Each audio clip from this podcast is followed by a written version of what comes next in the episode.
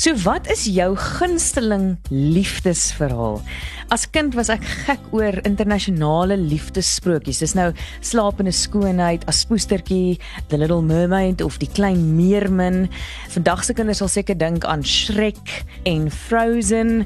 Maar het jy ooit gewonder watter liefdesverhaal is die gewildste van alle tye? Kom ons betree die wêreld van sprokies in Hoe nou? Hoe nou? Met Suan Miller Maree en Gerard van Huisteen. Hoe nou word moontlik gemaak deur afrikaans.com.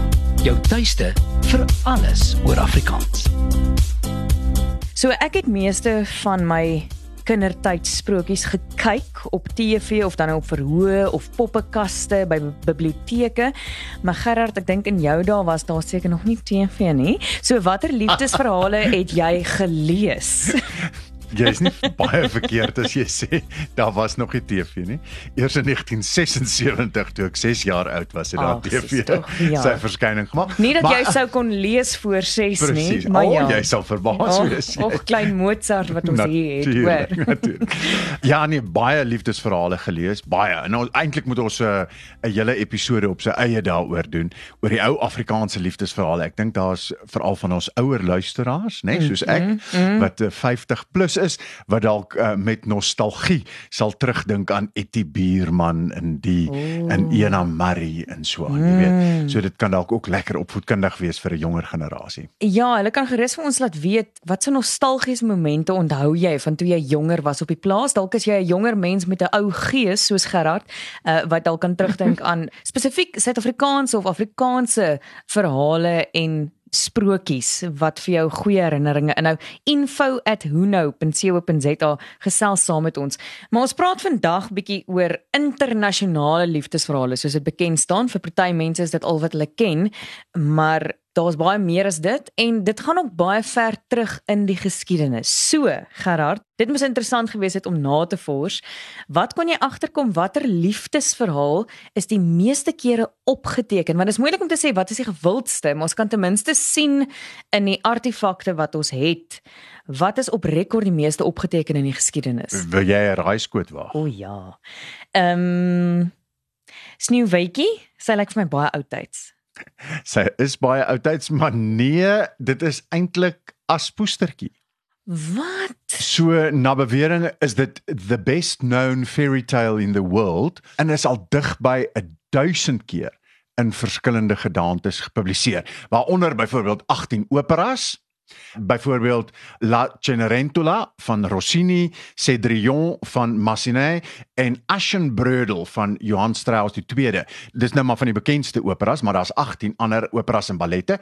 Dan was daar vyf musiekblyspele, byvoorbeeld Cinderella van Rodgers and Hammerstein, Into the Woods van uh, Steven Sondheim natuurlik en Taylor Swift. En sy sing 'n liedjie. En uh, en dan Cinderella wat in 2020 deur Andrew Lloyd Webber op die planke nou ja ek weet nie of dit op die planke gebring is nie en of dit sou gewees het nie ja. uh, maar daar was 'n 2020 weergawe van Cinderella. En dan is daar natuurlik 'n stapel films. Die oudste film met die aspoestertjie verhaal is in 1899. Wow. Uh in Frans gewees, dus met die naam Cendrillon. In 1950 ken ons almal die baie bekende Walt Disney oh, uh Cinderella. Uh, mm. Uh, nee, ek bedoel dit is 'n absolute klassieke film. Dis die een wat ek ook gekyk het toe ek klein was, ja. Nou, wys jy dit vir Jakobus hede den dae of kyk hy net nuwer weergawe? Hy het nog nie 'n vol fliek deur gekyk nie. Hy's nog te jonk, maar ek kan dink vandag se kinders gaan ons aankyk as ons vir hulle hierdie 1950 films wys en dink ons maak keer iets, maar ek gaan definitief probeer om die ou films vir hulle te wys en te sê dis hoe flieks gelyk het 100 jaar terug of dis hoe dit begin het. En is interessant dat jy sê 1899 was die eerste weergawe van Cinderella of Cendrillon gewees, want dit beteken dis omtrent 4 jaar nadat film bekend gestel is aan nee. die wêreld dit wys jy hoe belangrik is die verhaal. Ja. Dan was daar in 1998 was daar Ever After met Drew Barrymore o, wat ja. absoluut een van my gunsteling ja. weergawe is.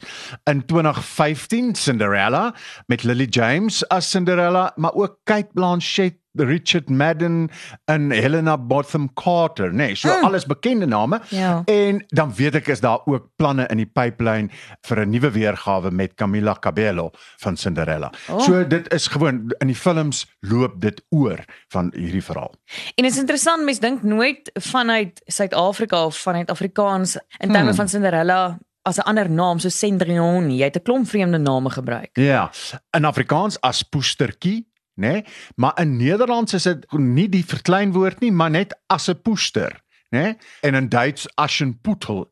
Nou daai aspoester is die een wat in die as sit en die goed skoon maak, wat dit poets, nê? Nee? Ah. So as 'n poester is eintlik as 'n poetster, nê? Nee? Ja. Aspoetster. Sy was vol as want sy het die hele tyd iets gepoets. gepoets nê. Nee. Ja. So in daai metatesis wat daar plaasvind, die klanke wat omruil, daai T en die S, uh is 'n bekende verskynsel. So daarom het dit van as 'n poetser na as 'n poester geword. In Engels ken ons natuurlik Cinderella, Mm. in Frans Cendrillon Mm. en dan in Italiaans is dit La Cenerentola.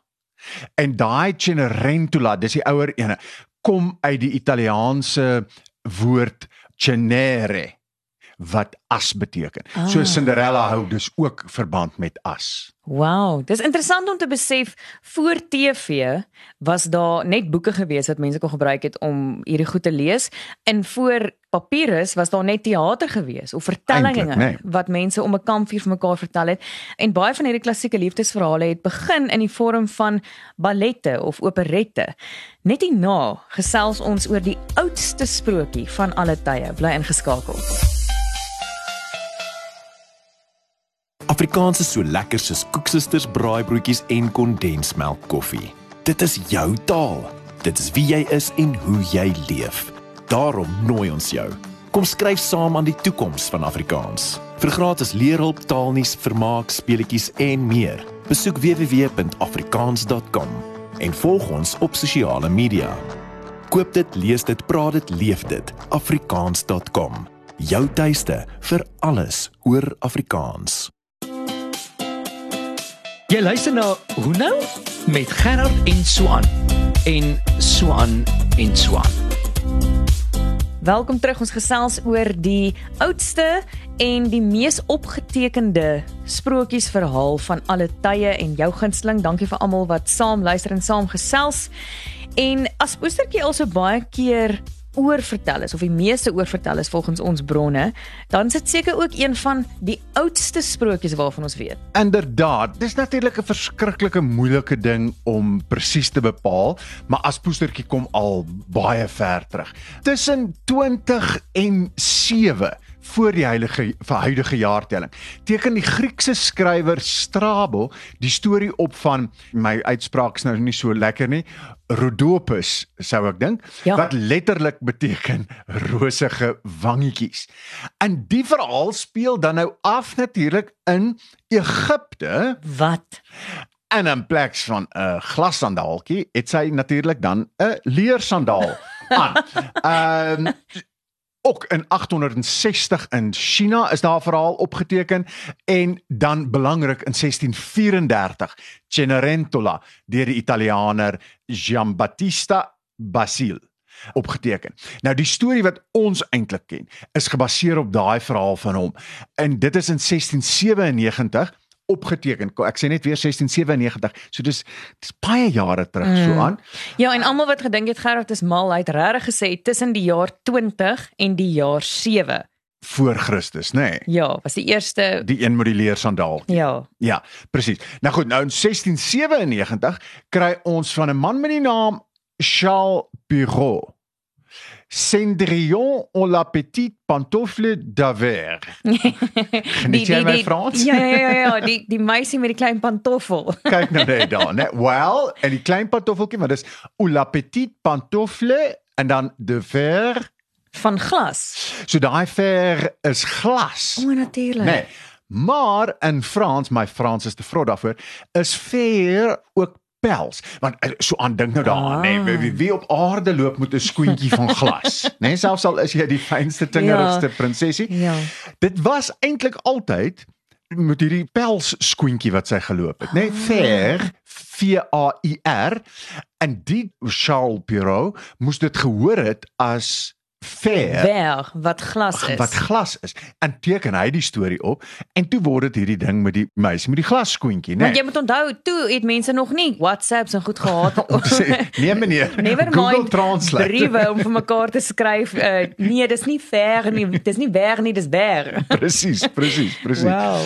en toe eintlik wat ons nou bekend geraak het is toe in 1812 die Grimm broers wat toe vir ons Aschenputtel opgeteken het en dis eintlik die verhaal wat jy waarskynlik die meeste vir jou seentjie lees. O, oh, Aschenputtel is vir my 'n baie mooi woord. pragtig, né? Maar dis maar eintlik so wonderlik dat ons verhale van so lank gelede steeds by ons het om te kan geniet, net soos wat mense honderde of duisende jare gelede geniet het. En dis alles te danke aan die oorvertelling, aan boeke, aan teaters en vorms van kommunikasie. So ons moet aanhou om dit te doen sodat ons nageslagte hier goed kan hê. En omdat jy gesê het nageslagte, is dit tyd vir terugvoering van ons luisteraars. So Sharnay is 'n student wat ook Afrikaans en Nederlands studeer het net soos ek en jy. Gerard, sy is wel ongelukkig van Tukkies af, sies tog. Hey, En, ek um, het nee, op tikkies gestudeer. Ek weet, ek weet, dis mense kan dit sien. Ehm um, nee, dierbaar is wonderlik en sy het gesê op grond van ons laaste episode oor somer en winter, wel ons het eintlik gepraat oor herfs en lente. Toe wil sy weet wat van somer en winter, waar kom daai name vandaan? Ja, ek het dit eintlik doelbewus weggelaat in daai episode want dit is nie vreeslik interessant nie. Somer kan ons nou na 6000 jaar terug toe vat uit proto-indo-europeërs. Toe was die woord semig, semig, semig, semig was die woord vir Klink of somer vloek, ja. of vir jaar, dis maar wat dit beteken het. Semig en jy hoor hom sommer semig word somer, né? Semig somer en winter is 'n proto-germaanse woord wintrus en ons weet niks verder terug daarvan nie. Dit is maar die naam van die seisoen. So beide winter en somer is eeue oue name met niks eintlik interessants om daaroor te sê. Ek hou van Wintrus. Semig klink vir my bietjie slijmerig. Maar uh, nietemin baie dankie vir die terugvoer en as jy enige voorstelle of vrae het, stuur vir ons 'n e-pos by info@hunou.co.za en as jy episode misgeloop het, gaan luister na vorige episode by afrikaans.com, marulamedia.co.za of enige potsending platform en vir die volgende episode onthou om in te skakel op jou gunsteling streeks radiostasie. Tot volgende keer. Hoe nou is saamgestel en aangebied deur Suan Miller Maree en Gerard van Huisteen en word moontlik gemaak met die tegniese ondersteuning van Marula Media en die finansiële ondersteuning van afrikaans.com. Jou tuiste vir alles oor Afrikaans.